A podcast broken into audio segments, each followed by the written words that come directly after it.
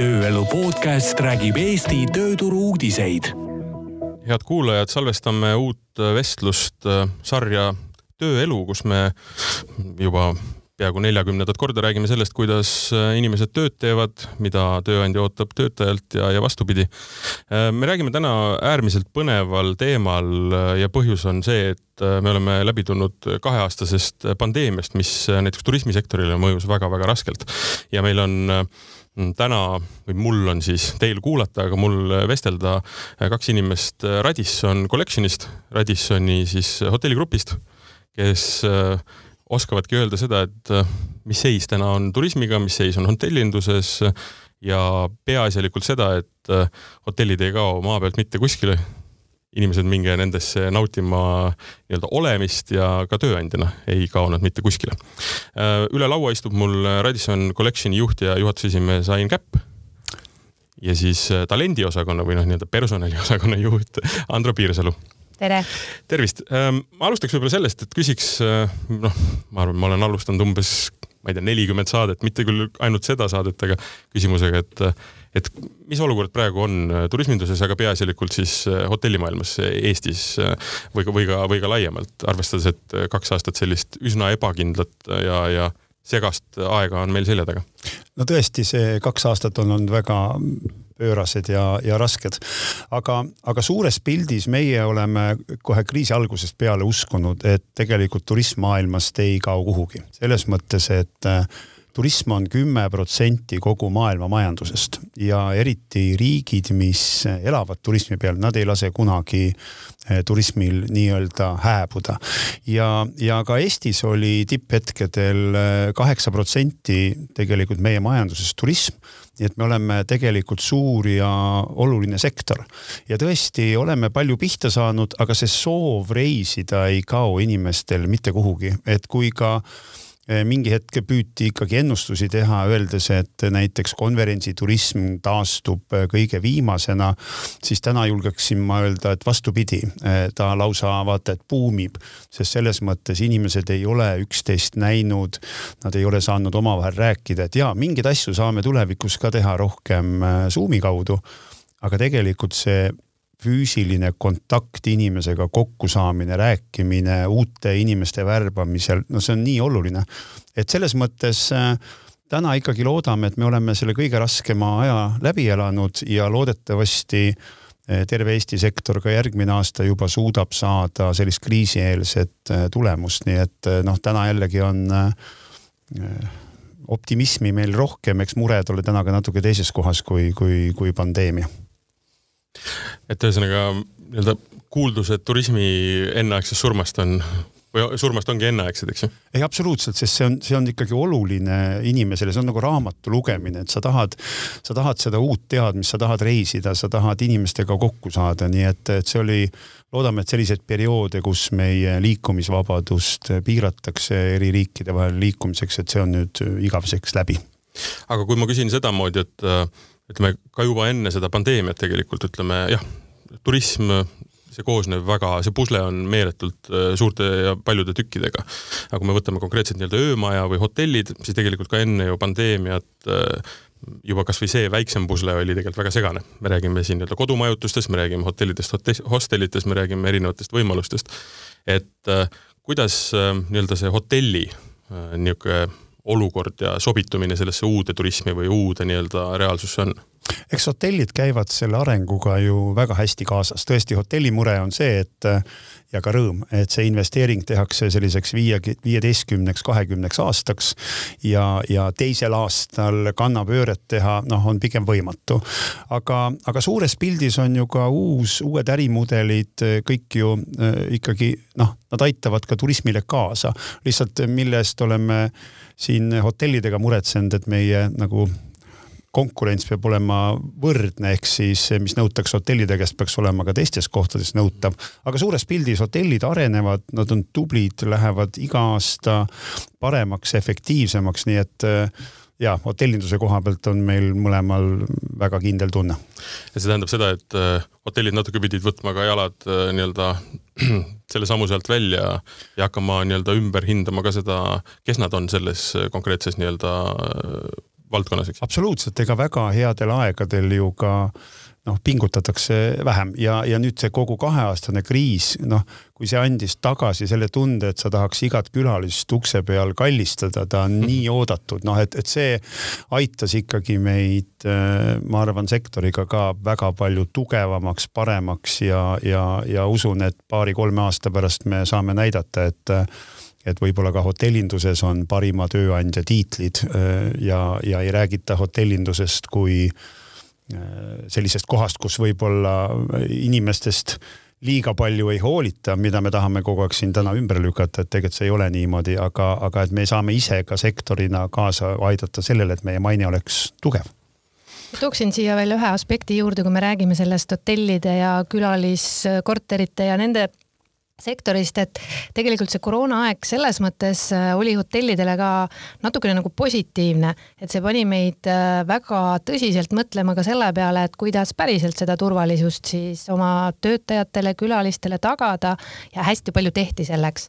ja elu näitas ka seda, et need külalised, kes meil reisisid ka nendel keerulistel aegadel, nad ikkagi äh, väga oluliseks seda pidasid ja ütleme nii, et edukamad olid need, kellel selles vallas oli väga palju ära tehtud mm. ja, ja kes olidki turvalised, siis nendel oli juba ka nii-öelda konkurentsieelis selles osas mm see on huvitav jah, et äh, ma ise ka ju valin väga konkreetselt selle järgi, kus ma ööbin ähm, noh, olukorra järgi, piirkonna ja, ja, ja, ja siis nii-öelda vajaduse järgi. tihtilugu oled lihtsalt olukorras, kus ei ole võimalik hotellis olla või sa ka ei taha näiteks, äh, aga, aga, aga midagi ei ole teha, ega alguses, kui see ka ütleme, see kodumajutuste nii-öelda laine tuli, et mulle tundus, et, et miks, miks üldse kuidagi teistmoodi asju teha, eks ju, aga ma ei tea, kas see tuleb siis vanusest ja mugavuse soovist, siis ei ole nagu võimalik ikkagi hotellist mööda vaadata et.... eks ta natuke sõltub ka minu jaoks äh, reisi eesmärgist. absoluutselt, jah. reisides, et kui sa reisid perega, lastega, siis ilmselgelt on sul kodumajutus või selline Airbnb ja need on nagu mugavamad, sest sa saad ise süüa teha, sul on rohkem ruumi ja nii edasi. aga kui sa lähed, ma ei tea, linna väikesele väljasõidule kuskile võõrasse linna, siis sa tahad just olla seal melu keskel ja siis ongi hotell see kõige parem koht, kus on kõik olemas, sulle tuuakse hommikusöök tuppa, sa naudid, oled, spaad, kõik noh, mis sa võid veel tahta. ja, ja toon juurde näite, et meie teine hotell, Palass hotell on olnud äh, kuus aastat saanud äh, parima hotelli tiitli, mis tähendab, et me oleme olnud kõrgeima külaliste rahuloluga, seda ütleme, ei saa tegelikult kuskil mujal kui hotellis, noh korteris sa hindad seinavärvi ja diivani äh, mugavust, aga, aga tegelikult see tunne, mida loovad inimesed, ehk siis meie meie kolleegid ja võõrustajad, vot see on see, mille eest, mis on tegelikult hotellis ikkagi tuhat korda kõrgem kui kuskil mujal aga kui me räägime hotellist, siis mina näiteks, kui ma tean, et ma tahan hotelli minna ööbima, siis ma valin väga konkreetselt selle järgi, ütleme tema kvaliteeti, kui palju ma tegelikult ütleme selles kohas, kuhu ma satun äh, tahan olla mitte hotellis. sest et äh, paratamatult, kui sa lähed väga heasse hotelli, siis äh, sa tahad olla seal hotellis. sest et on mugav, midagi ei ole teha, aga kui sa tahad seda piirkonda külastada, siis noh, tuleb natukene, ütleme, kuidas ma ütlen niisugune spartalikum äh, valik teha, et sunnib sind õue, eks ju. aga äh, ma võib-olla siit tahaksingi äh, liikuda selle poole, et mida see nii-öelda hotelli vaatest täna see mugavus tähendab ja mida tähendab see, et mis see kahekümne nii-öelda esimese sajandi kaks tuhat kakskümmend kaks nii-öelda aasta hotell on. me kõik teame seda, et sul on nii-öelda toateenindus, puhtad linad, ilus maja, eks ju, saad erinevaid muid teenuseid, aga see on ju kindlasti muutunud võrreldes nii koroonaeelse ajaga kui ka, ma ei tea, viimase kümne-kahekümne aastaga. see on ikkagi üks äh, märksõna suur ja positiivne elamus. ütleme, et kui ma toon äh, ka äh, Radisson Collectioni näite, et äh, Radisson ise hotelliketina on üks maailma suurimaid ja tuntumaid kette, siis bränd Collection on tema kõige kõrgeim tase ja, ja neid on maailmas ainult kakskümmend kaheksa hotelli. et meil oli siin Eestis Rävala puiesteel hästi suur au mõni aeg tagasi just see maja avada ja, ja, ja ütleme, et kui me ka räägime rahvusvahelisest ühest tuntumast märgist, siis Collectioni eripära on see, et äh, lausa nõudena on sees, et see peab peegeldama kohalikku elu. Ehk siis me saime kasutada kohalikke sisearhitekte. noh, me, meil on terves majas Eestis viimase kümne aasta jooksul tehtud fotod. Meil on Eesti kunst, meil on esimesel korrusel äh, Mekk restoran, moodne Eesti köögikunst, kus me juba hommikust saadik äh, tutvustame äh, Eesti, Eesti tooteid, näitame, et näed, siin on Kolotsi talu juust meile toodud, siin meil on enda must leib, et noh, terve, terve see aeg me räägime ka Eestist, ehk siis vastus sellele küsimusele lisaks elamusele on ka see, et ta peab saama meie külaline tunda ka seda kohalikku nagu, nagu, nagu feeling ut, et, et lisaks sellele, kui meie koht on ka populaarne kohalike inimeste seas, lisaks sisearhitektuurile ta saab ka kohalike inimestega koos süüa, rääkida, äh, veini juua. et tegelikult see on ikkagi inimesed, see on suhtlus, see on see rõõm, mida me saame ja pakume tänu oma külalistele ja siin ma veel ütleks äh, seda juurde, et jällegi selle koroonaaja juurde tulles tagasi, et äh, õnneks äh, viimasel kahe aastal on kohalikud inimesed leidnud üles hotellid ka nii-öelda oma linnas. et kui siin veel mõned aastad tagasi puhkusena peeti ikka seda, kui sa sõitsid kuskile välismaale, siis täna on ka täiesti juba eraldi sellised külalised meil, kes tulevadki, kes elavad siinsamas linnas, aga võtavad endale päeva teevad midagi mõnusat, puhkavad, lasevad ennast hellitada. ehk tegelikult hotelli kontseptsioon kui selline on aastatega, eriti viimaste aastatega nagu muutunud, et sellisest äh, väga eksklusiivsest, kinnisest äh, nagu majast, kuhu pääsevad ainult väga valitud inimesed, tegelikult tänaseks päevaks on välja kujunenud niisugune natukene juba selline sotsiaalne ruum, kus, äh, kus siis segunevad nii külalised väljaspoolt kui oma inimesed ja seda siis nii toitlustuskohtade puhul kui ka tegelikult majutuses et meie eestlaste osakaal tänasel päeval on juba täiesti arvestatav ja seda on hästi tore näha, et inimesed naudivad oma kodus äh, võimalusi. ma mäletan, üks kümme aastat tagasi oli vist oli Pärnuga, panin ma seda esimest korda tähele, kus äh, noh, äh, ma vaatasin seda nagu restorani poole pealt just, et ähm, noh, hotellirestoran on tavaliselt või noh, oli sama kasutan seda nii-öelda oli terminit, et äh, nii-öelda hotellikülalistel ja väga palju väljastpoolt nagu inimesi sinna ei tulnud. Äh,. Pärnu, arvestades, et äh, palju turiste, on võimalik nii-öelda häid restorane nii-öelda pakkuda ja tuua ja luua hakkasid neid ka tegelikult siis kohalikele müüma, mitte ainult pärnakatele, aga ka eestlastele. Ja tegelikult minu arust see oli üks asi, mis näiteks ka need Pärnu restoran või Pärnu hotellid avas inimestele nad nägid, et jah, täpselt nagu sa mainisid, et ei ole tegemist äh, mingisuguse kinnise kohaga, kuhu saab, pääsevad ainult need, kes on äh, nii-öelda maksnud kohe juba nii-öelda sinna sissepääsu eest. aga mm, see, et äh, hotell on elamus, see, et ta on nii-öelda jah, selle kohaliku peegeldus on, on, on äärmiselt oluline, sest väga palju inimesi on ju selliseid, kes tulevadki paariks päevaks neil ei ole tegelikult aega minna Eesti loodusse näiteks või väiksematesse linnadesse või kuskile noh, isegi rääkimata sellest, et näiteks Tallinnas väga palju ringi käivad. siis nad saavad seal majas nii-öelda selle feeling'u tõesti kätte kohe. sest eh, te tabasite praegu täiesti naelapea pihta, et, et mis me ise oma ettevõttes äh, oleme selgeks mõelnud ja hästi usume, et meist eh, hotelli inimestest, hotellis töötavatest eh, inimestest sõltubki hästi palju, millise mulje me Eestist jätame. kas me oleme, kas pärast öeldakse, et eestlased on külalislahked, kas me oleme sõbralikud, kas me armastame puhtust, kas me oskame hästi süüa teha, kas me, kas me oskame hotelli pidada. nii et, et me ise oleme võtnud endale ka igapäevase sellise eesmärgi, et me tegelikult ei tule hommikul lihtsalt nagu tööle, aga me tuleme Eestit esindama. mitte pearooga lauda viima, aga me mhm. jätame Eestist hea mulje, et mitte ainult president või, või suursaadik ei esinda, aga meie ka. ja kui, kui me hea kolleeg nõudepesus teeb oma tööd hästi ja, ja, ja tema nõud säravad, siis, siis ta on jätnud Eestist hea mulje, vot see on nagu see mis meid alati inspireerib ja, ja hommikul naerul näoga tööle ajab? Mm,. rääkisime Radisson Collectioni nii-öelda siis äh, tasemest ja sellest, et kaks aastat on nüüd see nii-öelda üks esimesi siis Tallinna pilvelõhkujaid, eks ju. Pärast kahtekümmet aastat avatud oli ta kaks aastat nüüd remondis, et, et võib-olla korraks kargaks siis sinna sisse, läheks nii-öelda uksed avanevad, astume sisse, et mis seal muutunud on? Äh, mäletan, all oli suur lobi, lobibaar, siis tuli sõita kiire liftiga kõrgele-kõrgele, kus olid järgmised restoranid. tubades ma pean ütlema, olen seal ainult paar korda ööbinud, kuna Tallinna inimene liiga palju ei ole, ei ole hotellidesse asja olnud tülisid kodus ei ole, sellest võib selle välja lugeda, eks ju. siis, ähm, et mis on tänaseks teistmoodi, mis on võib-olla põhilised asjad ja mida sealt hotellist täna leida on? ma siin äh, ütleks, et mul on suurepärane võimalus võrrelda, sest mina olin üks nendest inimestest, kes aastal kaks tuhat üks, esimene veebruar kell viisteist null null alustas oma esimest vahetust äh, sellesamas majas. võimas, võimas tulemus. et äh, kui me kakskümmend aastat tagasi selle maja avasime, siis ta oli oma aja üks ägedamaid maju. ei olnud ühtegi rahvusvahelist ketti sellises suuruses olnud Tallinnas, sellist teeninduskultuuri äh, ei olnud äh, keegi veel maale toonud, ehk me tegelikult lõime selle majaga tollel hetkel ikkagi sellise väga kõrge standardi äh, teeninduskunsti osas.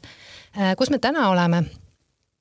ma võin öelda, et meie meeskonnas on äh, päris palju inimesi alles aastast kaks tuhat üks, äh, mis siis tähendab seda, et me tegelikult äh, oleme tagasi seal, kus me olime kaks tuhat üks, ehk me oleme nüüd Radisson kaks punkt null ja teeme taaskord olukorras, kus me alustame nii-öelda peale väga suurt langust otsast peale ja, ja me oleme ikkagi jah, võtnud endale eesmärgiks, et mitte siis ainult selle visuaalse pildi läbi, mis on noh, tõesti imekaunis Äh, kõikide nende väikeste pisikeste detailidega, mis on sinna majja toodud, me ikkagi äh, tahame ja oleme ikka kindlad, et me suudame tekitada seda vau-efekti ka teeninduses.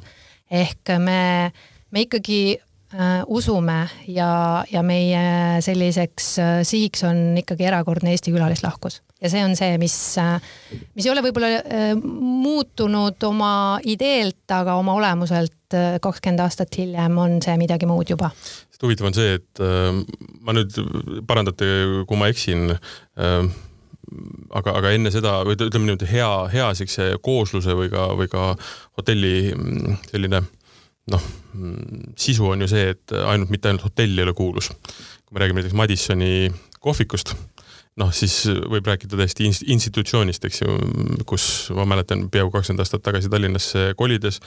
Äh, see oli koht, kuhu, kuhu mindi, et see ei olnud mitte, et jälle üks kohvik, vaid see oli nii-öelda siht, sihtkoht äärmiselt põnev tegelikult, äh, loo-, loodi täiesti uus, uus reaalsus, eks. absoluutselt ja, ja nüüd äh, hea meel, et teil see meeles veel on, aga, aga nüüd jäid tõesti majast järgi ainult äh, seinad, et eks kakskümmend aastat on ka aeg edasi läinud, me saime täna kasutada tehnoloogiliselt palju äh, loodussäästlikumaid äh, lahendusi.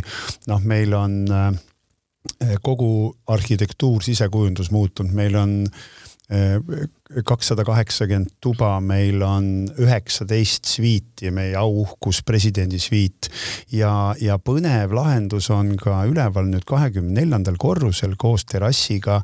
seal me avasime restoran, baar Issei mis on äh, Jaapani Peruu köök, väga põnev äh, kooslus ja, ja praegu uhkusega saame öelda, et see on tõesti väga populaarne, laudasid peab äh, mitu, mitu aega ette broneerima. nii et noh, see maja on saanud tõesti uue hingamise ja, ja nüüd ongi siis see etapp, kus me püüamegi ta täistuuridel nii-öelda käima saada heas mõttes äh,. alumisel korrusel on, ma eeldan, paar baar ja kohvik alles. oo oh jaa, ja see ongi restoran Mekki baar, restoran mm -hmm. Mekk ja kõik ta on, ütleme hommikust õhtuni me siis esindame Eestit ja räägime, räägime Eesti tänapäevasest toidust, mitte puulusikatega kolmsada aastat tagasi, mida me sõime, vaid see, mis on just tänapäeval moodne, pidulik rääkisime korraks sellest, et äh, sai kasutada nii-öelda Eesti disainereid ja, ja meie kohalikku seda nii-öelda siis tunnetust.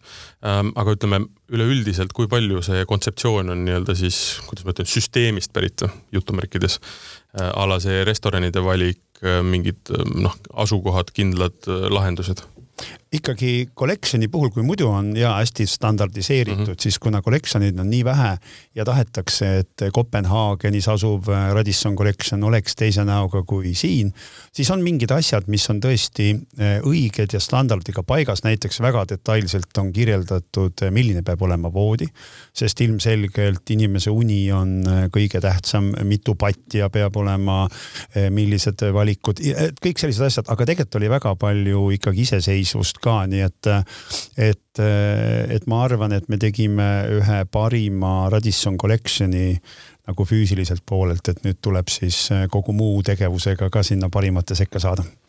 aga ma küsin siis, kuidas läheb ma saan aru, avatud on olnud üsna lühikest aega, aga siiski. ja me avasime ametlikult esimesel mail, et äh, varsti kaks kuud. kohe saab, kohe saab kaks kuud jah.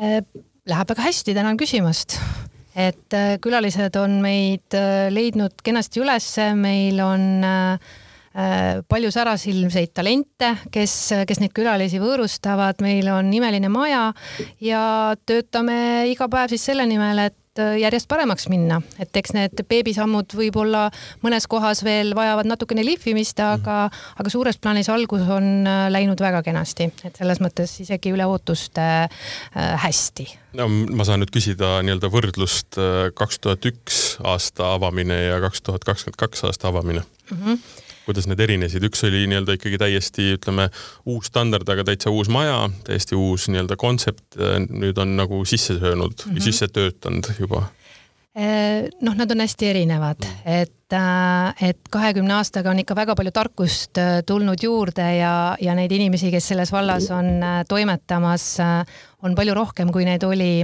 aastal kaks tuhat üks.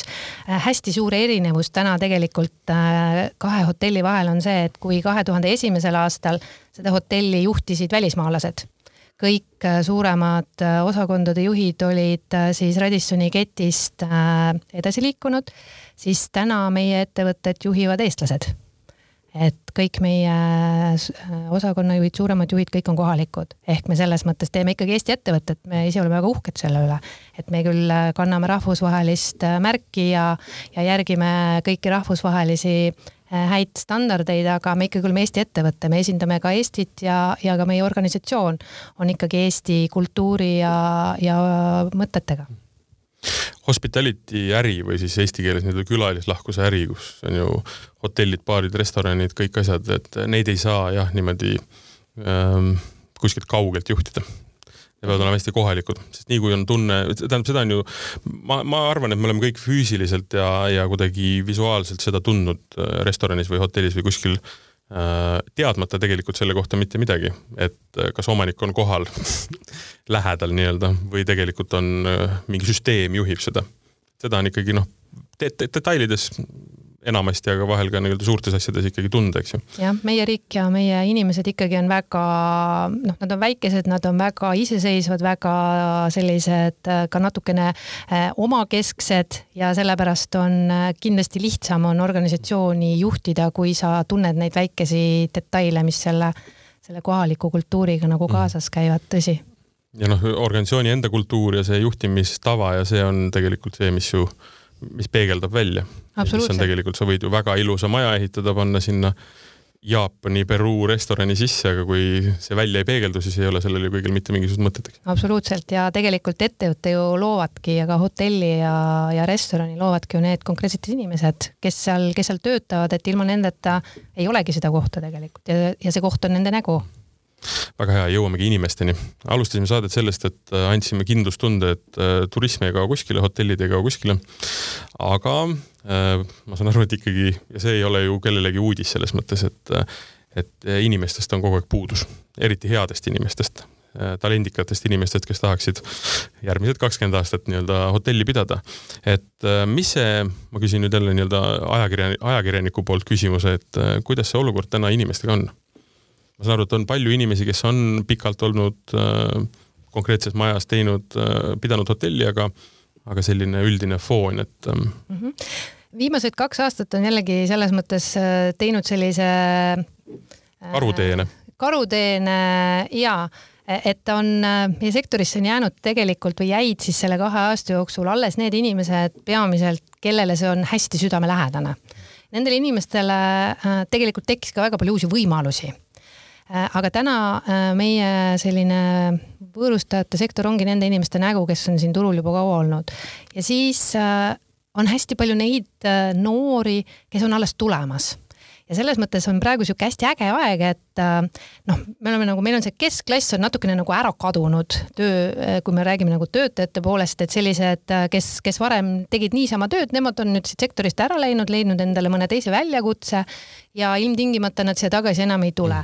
aga meil on hästi ägedaid inimesi, kellel on tohutud teadmised ja kogemused ja siis meil on palju noori, selliseid just alustajaid ja nii, et kõik need, kes oma tulevikku näevad kuidagigi inimestega tegutsemas, siis nende jaoks on praegu nagu super hüppelauaaeg.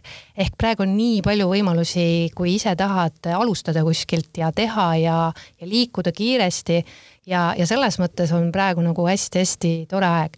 noh, meie jaoks kui tööandjatena on see loomulikult suur väljakutse, sest äh, eks neid äh, väga häid inimesi on äh, ainult osa ja kõiki äh, nullist uusi inimesi välja koolitada, see on ikkagi päris ajamahukas. Ja, ja võtab aega, võtab äh, inimeste ressurssi, mistõttu noh, loomulikult meil tööandjatena on praegu ikkagi selline äh, päris korralik väljakutse, et seda nõudlust, mis nüüd väga kiiresti tagasi tuli, väga heal tasemel ka siis ära teenindada ja ära võõrustada, sest jah, see uute inimeste sisseelamise periood kuna nad on väga paljuski alles sisenemas siia sektorisse, see on pikk. koroona selles samas nii-öelda külalislahkuse valdkonnas tegi selle teene tõesti, et äh, jah, need superfännid nii-öelda oma, oma töö fännid äh,, teenindajad, sommeljed äh,, kokad, kõik, nemad on paigas, eks ju. aga jah, need, kes olid, ma, ma nimetan seda nii-öelda, nad olid selle ääre peal, kes otsustasid, kas sellest saab minu tulevik ja karjäär Äh, nendele siis tehti olukord, kus öeldi üks hetk, et äh, noh, paus mm. -hmm. ja noh, midagi ei ole teha, nad läksid te tegema mingit muud tööd ja selles mõttes täiesti õigus, et, et mingit kindlust ei ole, et neist üks-kaks või üldse keegi tagasi tuleb. ja, ja siin on ka see, et äh, noh, kui see koroonaaeg pihta hakkas, meie siis ju olime samamoodi Volassis siis äh, hotelli tegemas ja mida me nagu nägime, oli ka see, et kust tegelikult kaotasime palju inimesi sektoris, on see, et äh, noh, paraku ikkagi meie, mitte kõik ettevõtted äh, ei ole päris ausad ja juhtus ikka nii mõnelgi äh, juhul seda, et need inimesed jäid oma tööst ilma, ilma igasuguse tagalata ja, ja noh, ega see meie sektorile just teab, kui palju kuulsust juurde nagu ei toonud, et, et sellised käitumismustrid on turul olnud ja, ja me täna siis ikkagi püüame kõvahäälselt rääkida ka sellest, kuidas tegelikult see turvalisuse loomine on meie kõigi enda kätes, et mitte ainult siis tööandjate, vaid ka meie töötajate kätes. ja huvitav on see, et äh, kuidagi, ma ei tea, kas ühiskonnas on jäänud see mulje, et, et teenindaja näiteks nii-öelda mm, elukutse või amet on selline äh, suvine kooli kõrvalt ja natukene, et teenida raha, mitte nii-öelda e-, elukestev ja, ja tegelikult pidevat õppimist vajav, vajav amet, mis on väga-väga ka tasuv iseenesest, kui sa seda hästi teed. et tegemist on ju karjääriga. absoluutselt, et no las ta olla alguses selline suvel töö tegemine, selles ei ole mitte midagi halba ja meie väga tunnustame neid noori, kes täna tulevad, meil on neid üle kümne täna kes meil on äh, suvel ja kuskilt peab ju alustama. Ja, ja selles mõttes on see väga-väga hea kool äh, alustamiseks, et sa saad keeli praktiseerida, sa saad esimesi tööoskusi, distsipliini mida täna tuleb teinekord natukene õppida. Äh, sa saad väga palju ägedaid uusi tutvusi ja, ja kui sa lähed sealt koolist, äh, kooli tagasi, siis ähm, ka meil on aastatepikku olnud ka päris äh, palju selliseid, kus nad tulevad järgmine aasta jälle ja see hakkabki meeldima ja nendest kasvavadki välja, et see on üks selline väikene etapikene seal karjääri alguses, kus sa alguses teed ja, ja sellest kujunebki välja sinu karjäär ja see karjäär võib olla väga pikk ja, ja noh hea kolleeg Ain äh, võib äh, rääkida pikalt, kuidas tema karjäär on olnud, et, äh, et see on, seal on, seal on tohutult palju võimalusi. ja et mina alustasin ka alguses kelneriõpilasena ja, ja, ja tegin päris mitu aastat kelneritööd olümpiahotelli restoranis. aga, aga no siin ma julgustakski, et tegelikult tulebki proovida, et et üsna tihti ju ega me ei tea, kas meile see töö meeldib, aga igaüks peaks leidma just selle töö, kus ta tunneb rõõmu. mul üks äh, hea kolleeg ütles, et ta tegi äh, päev otsa raamatupoe laos tööd ja see väsitas ta palju rohkem ära kui, kui nädal aega hommikusöögis. noh, et, et, et, et see, kui sa saad oma käega ja oma tegevusega pakkuda külalisele rõõmu, siis seda rõõmu ja eduelamust on korduvalt ühes päevas, et kui võib-olla äh, ettevõtte tippjuht teeb midagi, siis ta näeb seda rõõmu võib-olla mitme aasta pärast. Aga, aga see teenindus on just see, kus sa näed kohe noh, ja ja kui sa teed midagi hästi südamega ja rõõmuga, siis tegelikult see headus, mis sa oma külalisele annad, see ju kandub edasi. Ja sa teed ka tema päeva paremaks, nii et see on, see on midagi rohkem kui, kui lihtsalt üks äh, suvetöö see on äh, huvitav, ma teen nüüd võib-olla kokkadele liiga, aga, aga see on lihtsalt reaalsus, et äh, siin mingil hetkel ka jälle aastaid tagasi nii-öelda kokad tõusid sellise superstaari äh, rolli ja, ja väga suur nii-öelda soov oli kokaks saada, siis tegelikult ega kui sa just peakokaks ei saa ja nagu noh, lahjemaks oma seda koormust ei tee, siis üldiselt ega kolm, üle kolmekümne viie, neljakümne aasta seda tööd lihtsalt füüsiliselt teha ei jõua, see küpsetab läbi äh, seljapõlved, küünarnukid, käed, eks ju. Äh, paneme sinna kõrvale teenindaja või sommelje või siis äh, kelneri. ja me oleme ju kõik, äh, ma eeldan, näinud kuskil äh, pisikestes Prantsuse või Itaalia külades restoranis noh, ütleme saja, sajale aastale liginevad kelnerid, kes siin, siin teenindab. et, et pikk on selle, selle karjääri nii-öelda niisugune rada. ja aga, aga ma arvan, ka kokandusmaailmas on samamoodi ikkagi häid inimesi, kes on terve elu seda teinud. meie üks äh, hea eeskuju, mida me alati vaatame ka uute inimestega väikest klippi, on üks äh, Jaapani sushikokk ta on üle kahe, kaheksakümne aasta vana, tal kas on, ma eksin, kui tegemist on Giroga? just. Tal on äh, mitu, tal on üks pisike restoran äh, Michelini tärnidega ja ta ütleb, et ta ei ole saavutanud täiust, ta veel tahaks areneda, vot see, vot see meisterlikkuse poole püüdlemine ja, ja, ja vot see, et kuidas ma sisemiselt tahan iga päev olla natuke parem, kui ma olin eile, vot see on, see on ka meie ettevõtte üks äh, põhiväärtusi, meisterlikkus see üks oluline muidugi komponent äh, seda tööd tehes on ka see, et äh, sul peavad olema kindel iseloom, kindlad omandused. et kas on võimalik grupeerida ka kuidagi inimene, kes sobib äh, nii-öelda hotellivaldkonda, teenindusvaldkonda mm? -hmm. no ma arvan, et kõige-kõige olulisem asi on kirg ja tahe teiste heaks midagi head teha.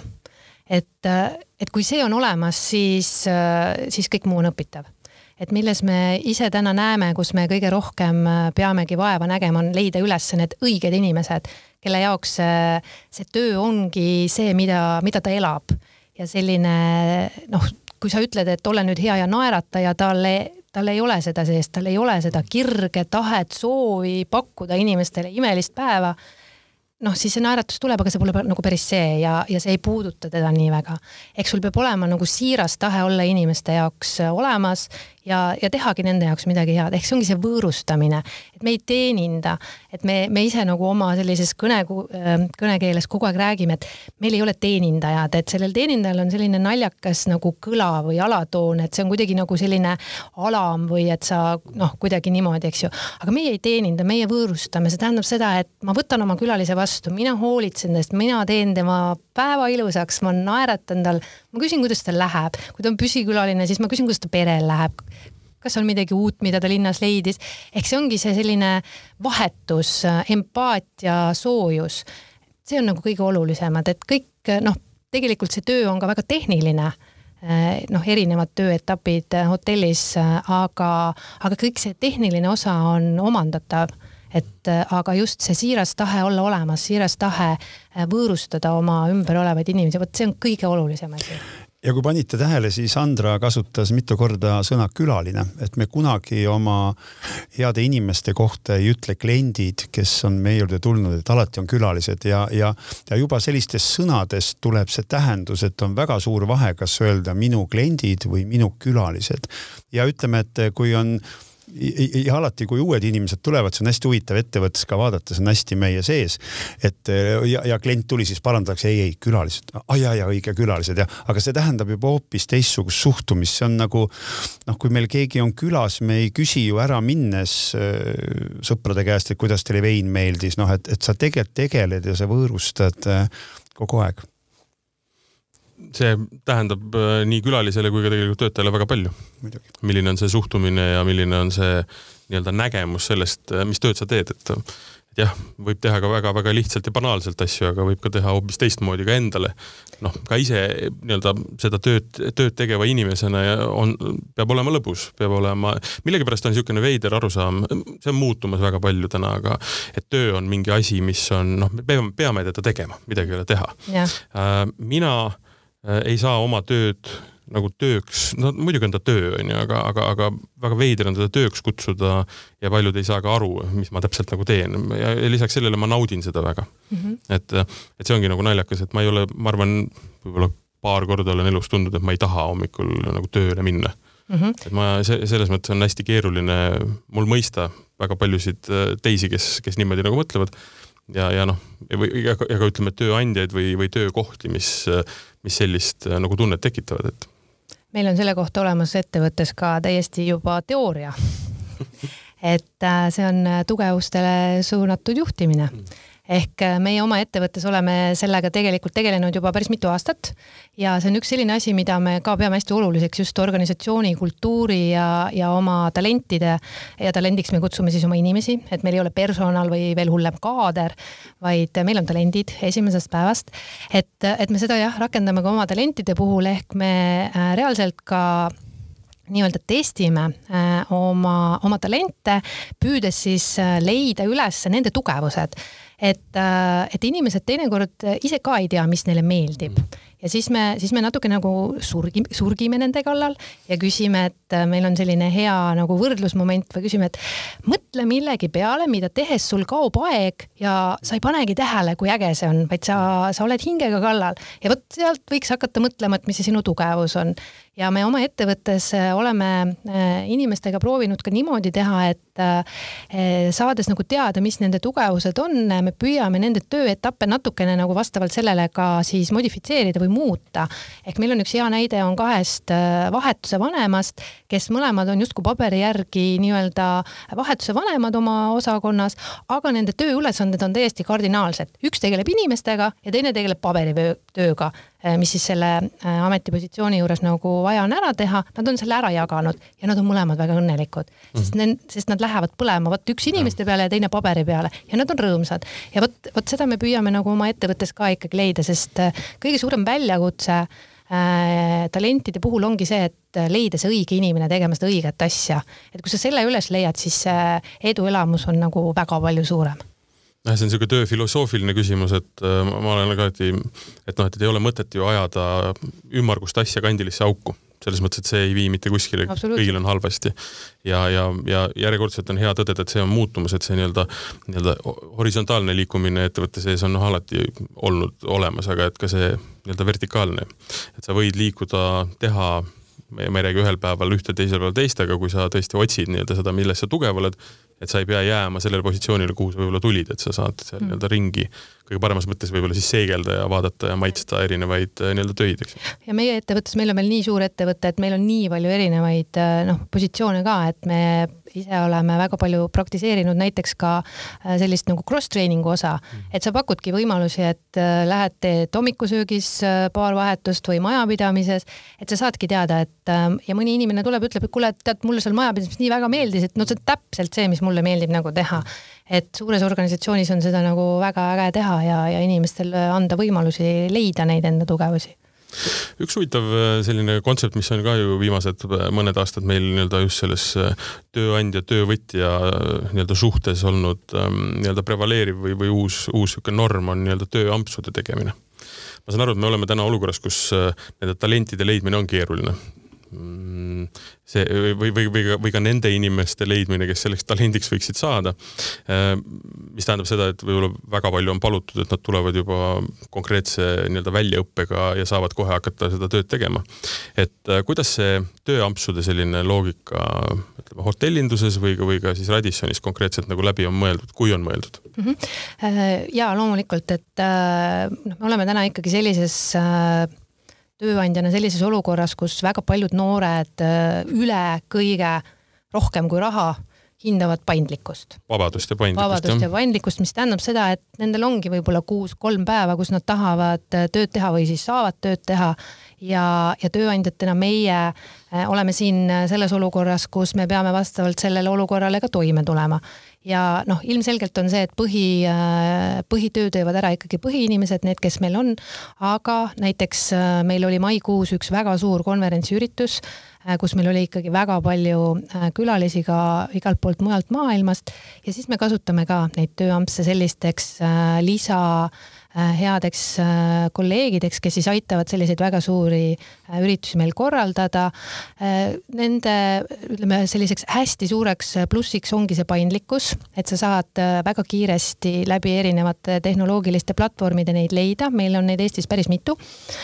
ja, aga seal ütleme, kõige suurem väljakutse selles osas on see, et eriti meie ettevõttes, kus meil ikkagi standardid, ootused on suhteliselt kõrged, meil on väga palju sellist äh, sisemist äh, jutustamist ja, ja sellist nagu taustainfo jagamist meie külalistele ehk meie tööprotsessis ei ole see, et sa annad midagi kätte ja tuled ära, vaid sa räägid sinna juurde ka pikad lood ja, ja selline noh, see on selline kahepoolne kommunikatsioon. et siis selliste tööampsude puhul on seda keeruline rakendada, kuna need inimesed ei tea neid, see väljaõpe tegelikult meie ütleme, hea talendi väljaõpe täna kestab ikkagi kaks kuni kolm kuud, ennem kui ta on valmis noh, ütleme niiviisi erakordselt head asja äh, siis äh, pakkuma oma külalistele, et neid tööampse me nagu sellistesse kohtadesse üldiselt ei, äh, ei saa rakendada.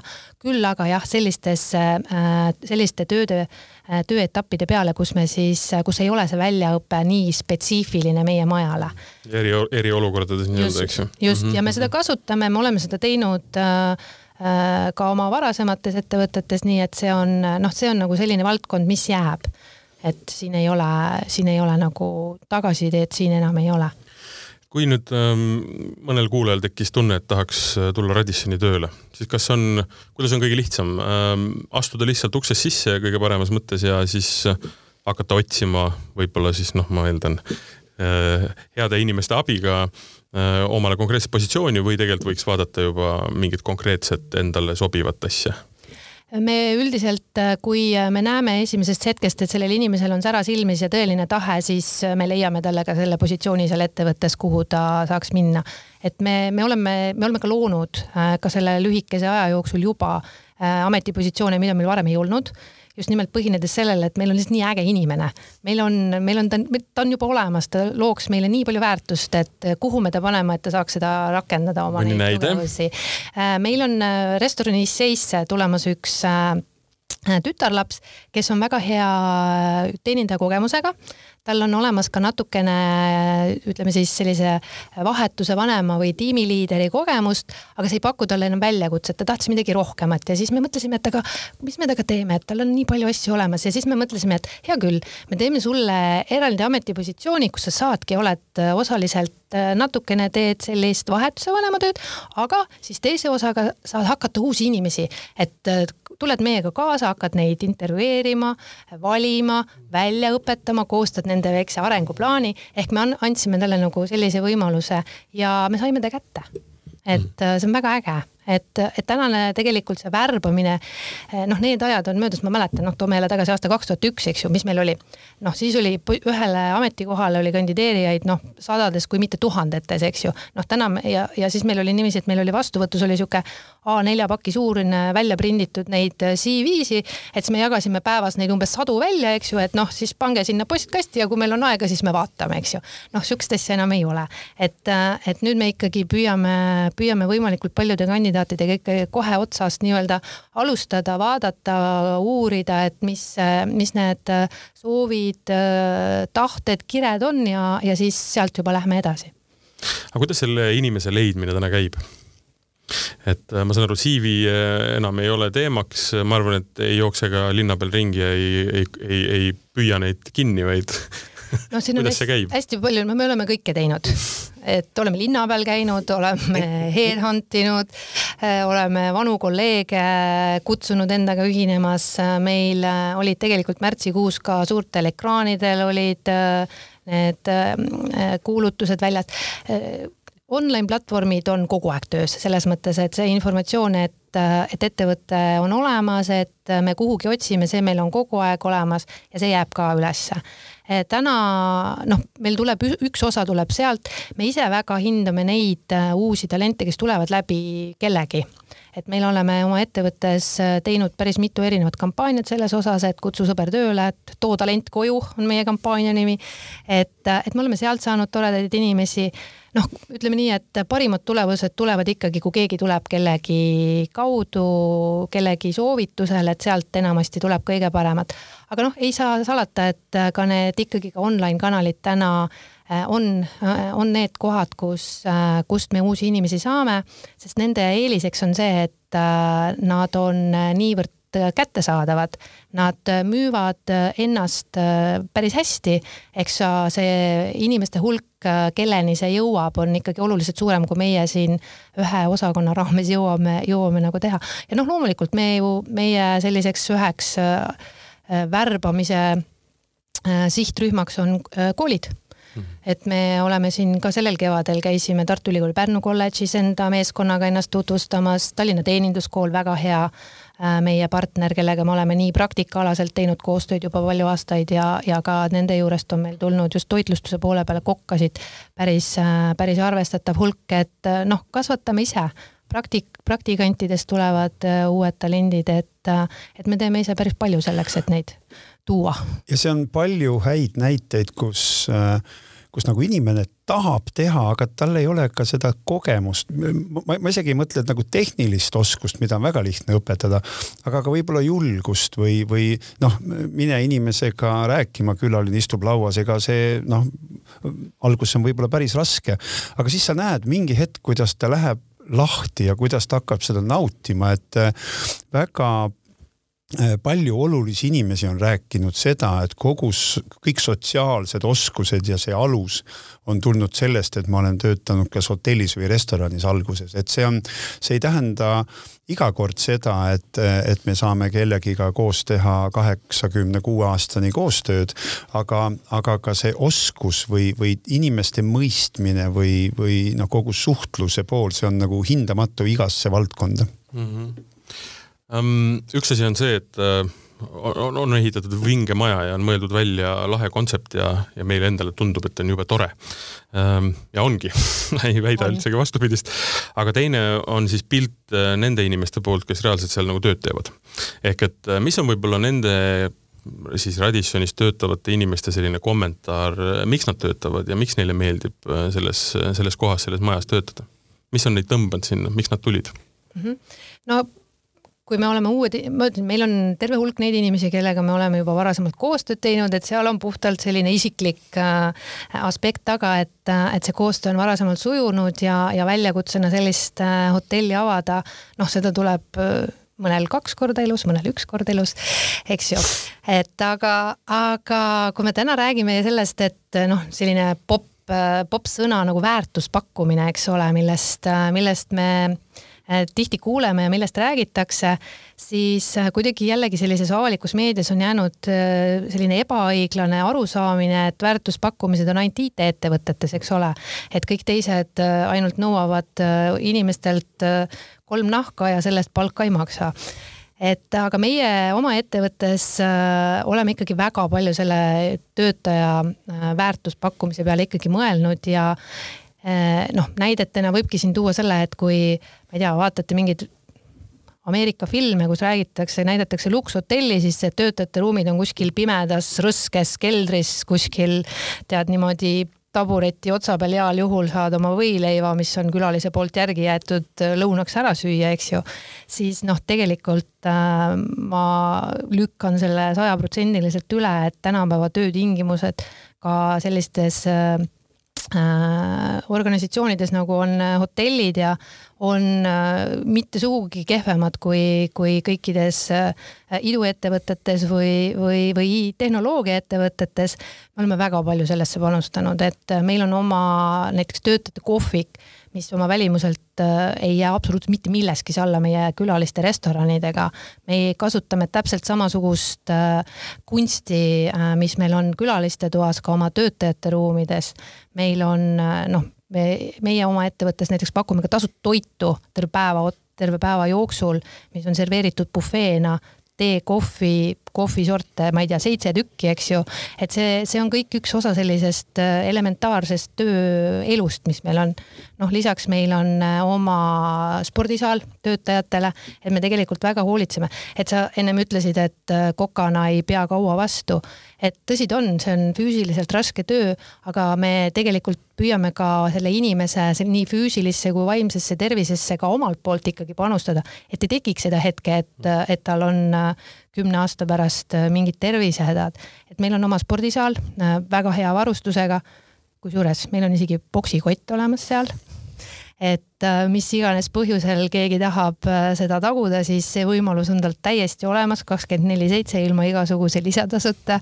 meil on töötajate saun, jällegi saavad kõik tasuta kasutada.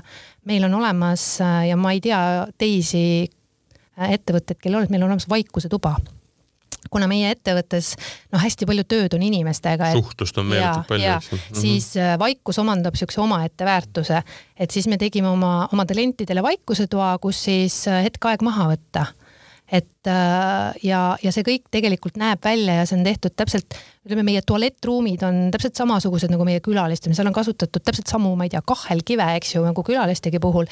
et me ei ole nagu kuidagi äh, lähenenud sinna, et meie töötajate ruumid, et ah, las need olla, kuidas on, peaasi, et nagu seadusele vastaksid, vaid me ikkagi panustame sinna hästi palju ja, ja see on äh, see atmosfäär, see, see loob. noh, näiteks jällegi üks selline äge asi, mis meil sellises töötajate selles puhkeruumis on. meil on see äh, vaikuse kabiin. Et kui sa saad nagu minna, kui sul on tarvis mingi isiklik kõne teha või sest noh, kõigil ei ole ju kontorit, kus sa seda teha saad. Või sul on vaja midagi, äh, midagi seal äh, kellelegi öelda telefoni teel, siis lähed sinna, keegi sind ei kuule, saad rahulikult vaikuses olla. nii et noh, need on väiksed asjad, aga, aga hästi olulised ja, ja me igapäevaselt panustame sellesse ja lisaks füüsilisel poolel ja me oleme hästi palju ka selliseid häid pehmeid väärtusi ettevõttesse toonud.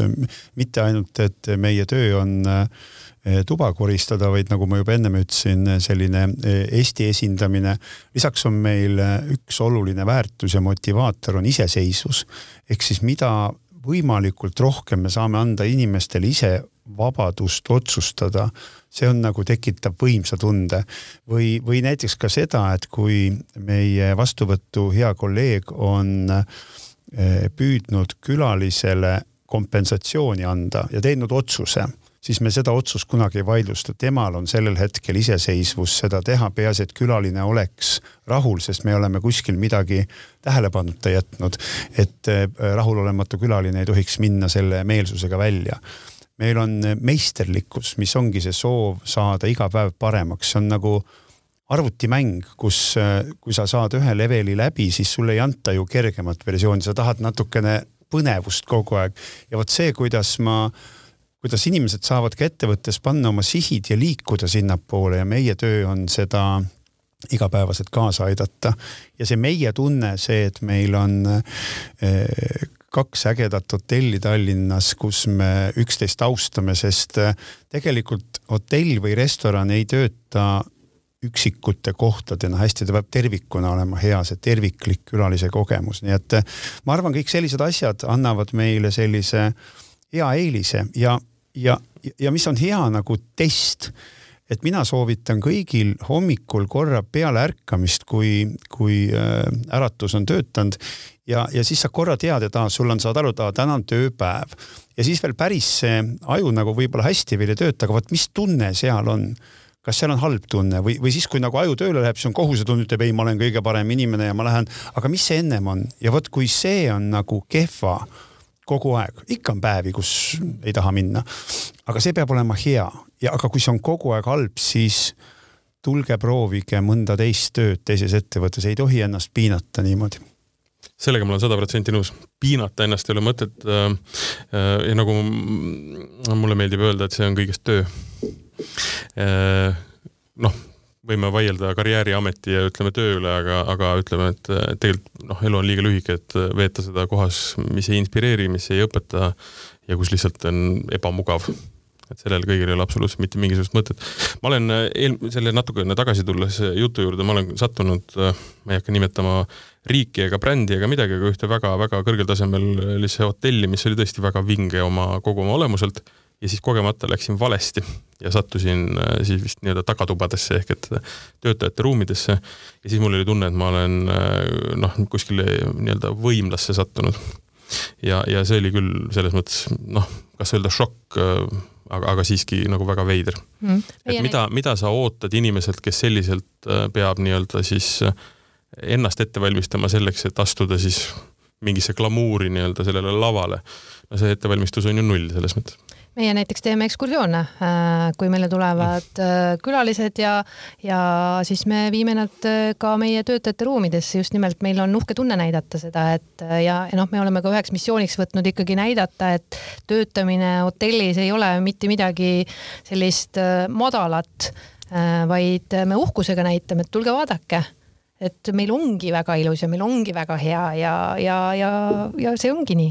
ja, ja samamoodi on ka see omavaheline äh, suhtlus või omavaheline suhtumine, et ütleme, et kui me eeldame seda, et me peame pakkuma kõige paremat külalislahkust hotellis, aga meil ettevõtte omavahel ei ole külalislahkust või oli, see mitte kunagi ei toimi, see on alati üheselt võrdne, et kui su külalised on väga õnnelikud, siis järelikult on ka ettevõttes inimesed õnnelikud neid teste on tehtud hästi palju, kus on äh, suheldud inimestega, on isegi videosid tehtud, kus on pandud inimesed äh, mingil teemal vestlema ja siis äh, on tehtud paus, öeldud neile ühele halb uudis, teisele hea uudis ja siis filmitud nii-öelda edasi.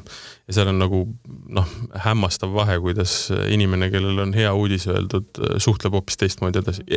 noh, ütleme viieteistminutilise vahega, eks ju, et see on, see on hästi-hästi oluline. Ehm, me oleme rääkinud nüüd pikalt ähm, kõigest sellest põnevast, mis Radissonis toimub ja, ja et ähm, ühesõnaga tööd on äh,. tööd on. ei, sellepärast ei pea muretsema, aga äh, kui me neid teemasid kokku leppisime, siis äh, kerkis üles üks hästi põnev küsimus, mille ma küpsisena siia saate lõppu jätsin ähm,. et meil on nüüd loodud see pilt äh, sellest hotellimaailmast mm, aga küsimus, mis äh, üles kerkis, oli see, et ähm, milline on siis see Eesti külalislahkus? me oleme väga palju kuulnud näiteks äh, grusiinidest ja Aasia nii-öelda siis külalislahkusest, kus enne seda, kui jõuad, ütleme tere öelda, on juba laud, laud kaetud ja kalli, kallistused äh, tehtud. et me väga palju aga ei räägi sellest Eesti külalislahkusest, mis on tegelikult tobe, sellepärast et eestlased, kui sa neile otsa vaatad, nad näevad välja nagu noh, nad väga ei sooviks sinuga midagi tegemist teha. naeratad, naeratavad vastu, kõik on väga ilus. Äh, minu arust on eestlased väga külalislahked inimesed, aga mis see, mis see küla, Eesti külalislahkus siis nii-öelda Radissoni vaatest või üleüldse võiks olla või, või on? Me oleme kõige suuremaks enda eesmärgiks võtnudki pakkuda erakordset Eesti külalislahkust.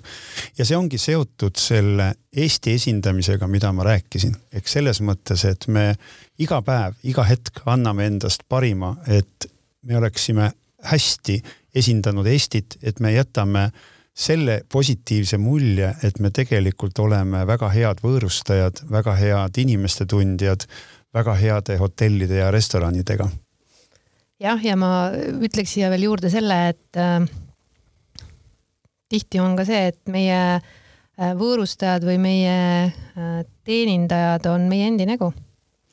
et äh, üleskutse kõikidele inimestele, et äh, olge oma teenindajate, oma võõrustajate vastu veel sõbralikumad veel lahkemad, et teate, et siin on see peegelefekt, eks ju et just see, mis sa ennem ütlesid, et naerata ja sulle naeratatakse vastu, et me äh, tihtipeale näeme meie teenindussektoris, et, et meie külalised on natukene võib-olla muredest murtud ja, ja ei ole sellised äh, väga avalad ja väga-väga sõbralikud ja äh, noh, õnneks koroonaaeg on ka siin osas teinud väga suuri korrektuure, aga ma julgustan kõiki, et, et põhinedes ka sellele, mis ma just ennem rääkisin, et tegelikult väga paljud ju ka täna, kui lähete kuskile kohvikusse või poodi, siis see teenindaja on ju suht noorukene, see ongi võib-olla tema esimene töö.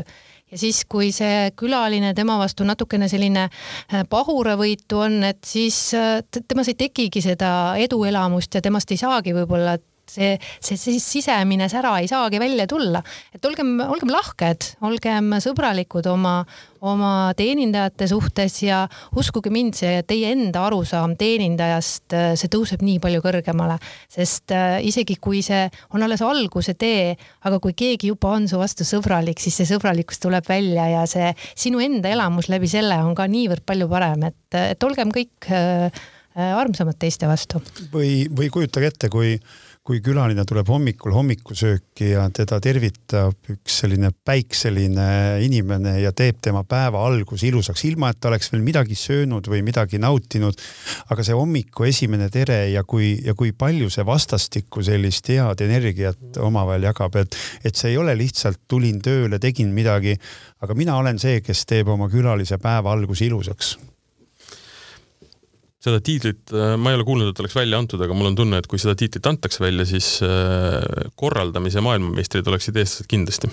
sündmuste korraldamisel, töö korraldamisel, kõikidel asjadel.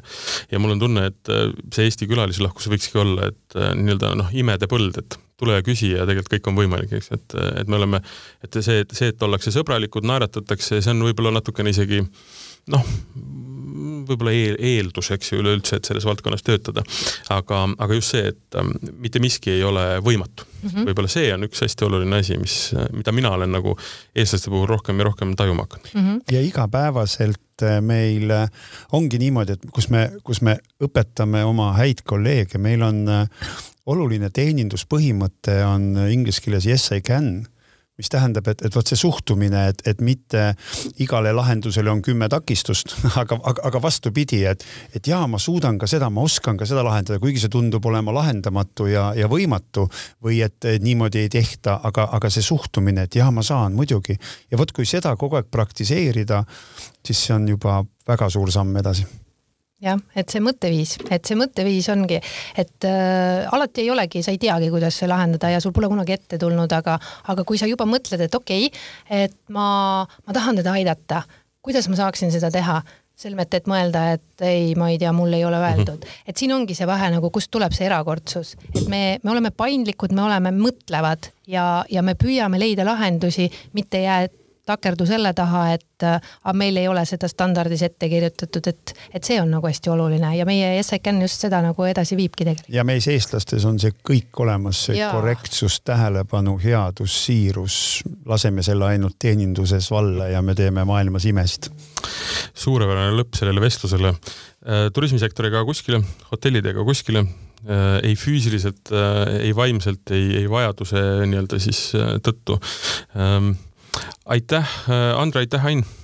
oli väga põnev vestlus, ma usun, et äh, Radissoni nii-öelda tegemistest ja praegust olukorrast said inimesed väga hea pildi ette ja minu soovitus ei ole muud, kui nüüd äh, ruttu tööle tere tulemast saade, mida te kuulasite, oli Tööelu. me vestlesime täna hotellis, hotellidest, hotellivaldkonnast ja üle laua istusid mul Radisson Collectioni juht Ain Käpp ja siis talendiosakonna, personaliosakonna juhataja Andra Piirsalu. mina olin saatejuht, ajakirjanik Martin Hanson. järgmine teema, millest me hakkame rääkima, uskuge mind, tuleb sama põnev. me jääme ikka rääkima töötajatest ja tööandjatest. niikaua aga nautige kaunist suveilma tööelu podcast räägib Eesti tööturu uudiseid